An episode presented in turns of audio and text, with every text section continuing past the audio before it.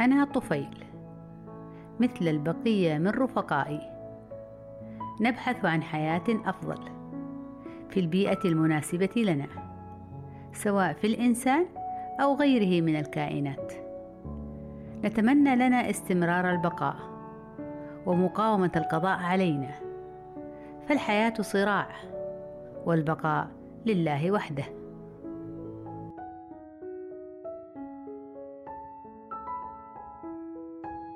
في قطة بيضاء جميلة ساحرة بجمالها لب العقول. وفي أمعاء هذه البيضاء أخذت أنا شكل النهائي في استدارة محكمة. بعد أن تناولت قطعة لحم ضأن رميت لها عن بعد. ترعرعت في الأمعاء وأصبحت أكثر ضراوة وشراسة وعلى استعداد لبدء حياة جديدة.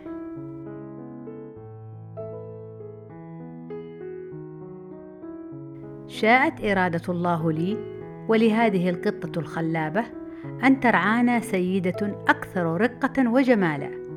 أخذتنا بكل حب ولطف وبكل شوق الولهان لاقتناء قطة مميزة.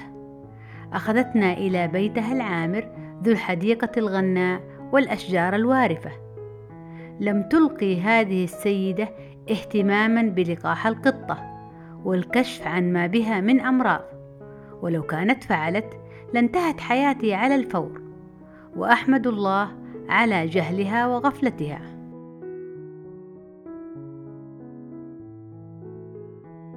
كانت السيدة شديدة التعلق بالقطة وقد أسمتها ريانة لارتواء جسمها وغزارة شعرها.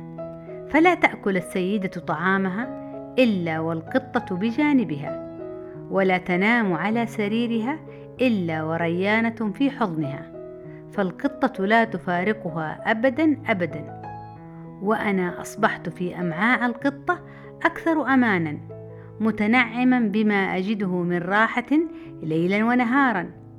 ومن المفارقات الجميلة لي والمحزنة لهذه السيدة أنها كانت تحمل في أحشائها جنينا يتخلق وبالمشيمة يتعلق تحلم أن تحمله بين يديها منتظرة هذا اليوم بفارغ الصبر.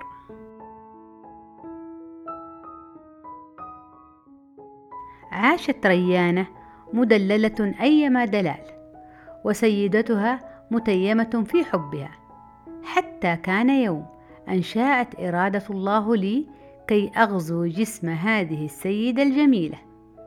بعد أن تناولت طعامها وقد تلوث ببراز القطة دون أن تلحظ ذلك. نجحت ولله الحمد. نعم لقد نجحت في تغيير مسار حياتي وحققت ما أريد في الدخول إلى عائلي المفضل. جسد سيدتي الحنونة.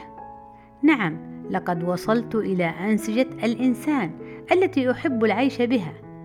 فهناك الغدد الليمفاوية وما أغناها وعضلة القلب وما أحلاها والرئتين وما أرقها وأخيرا خلايا المخ وما أطراها فيها جميعا أتجول وأعيش وفيها أيضا أتكاثر وأتكيس دون حسيب أو رقيب فليس هناك أعراض ظاهرة تدل على وجودي ويصعب الاستدلال علي وأحمد الله على ذلك كله.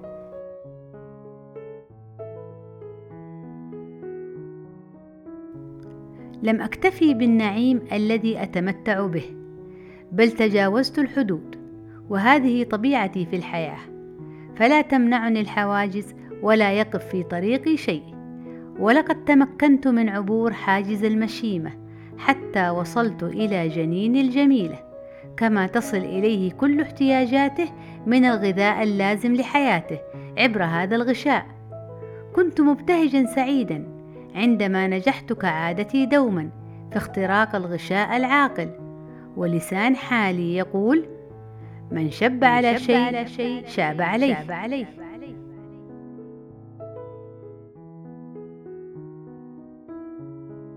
لقد عملت بجد في تشويه جنين المرأة لكوني أردت لي الحياة بصورة أفضل وأكثر تنوعا عما سبق من أماكن كنت أعيش فيها فقد توقلت في جهازه العصبي واستوطنت أعضاء الإبصار دون أن يجتاحني شعور بالرحمة أو الرأفة بحال هذا الجنين.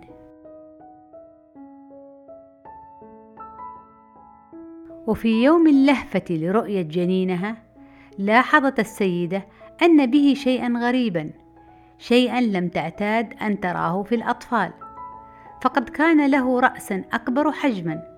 ويبدو منتفخا ممتلئا. هاجمت طبيبها دون هوادة بأنه هو السبب لحدوث ذلك. لكنه هدأ من روعها وطمأنها أن ولادتها كانت طبيعية وأنه سيتم عمل فحوصات للتأكد من حالة الطفل. كل هذا وأنا لا أعير اهتماما لكل ما يجري من حولي. غير أنني حزنت على الطفل وما أصابه ولكن ما حيلتي وهذا حالي فأنا أبحث عن أفضل سبل الحياة. أريد أن أعيش ما بقي لي من عمري في حياة هانئة مريحة ولم أجد أجمل من خلايا مخ الطفل رومانسية ورفاهية. ربما أكون قد تسببت في أذى الطفل لكن دون أن أتعمد ذلك فأنا أيضا سأموت سريعا. إن لم أقاوم كل المتغيرات. ولتعلم سيدتي بأن هذه هي الحياة ويجب أن نتقبلها كما هي. فلتسامحني الجميلة ولتغفر لي خطيئتي وكل أمل أن يرزقها الله بطفل آخر صحيح معافى.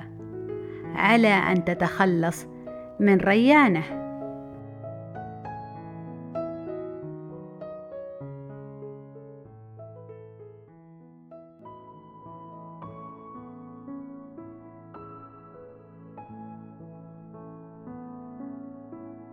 سمعتم الحكاية وعرفتم الرواية وكانت النهاية ويتجدد لقاءنا بكم في قصة طفيلية أخرى تشد انتباهكم وتستدعي اهتمامكم. دمتم بخير.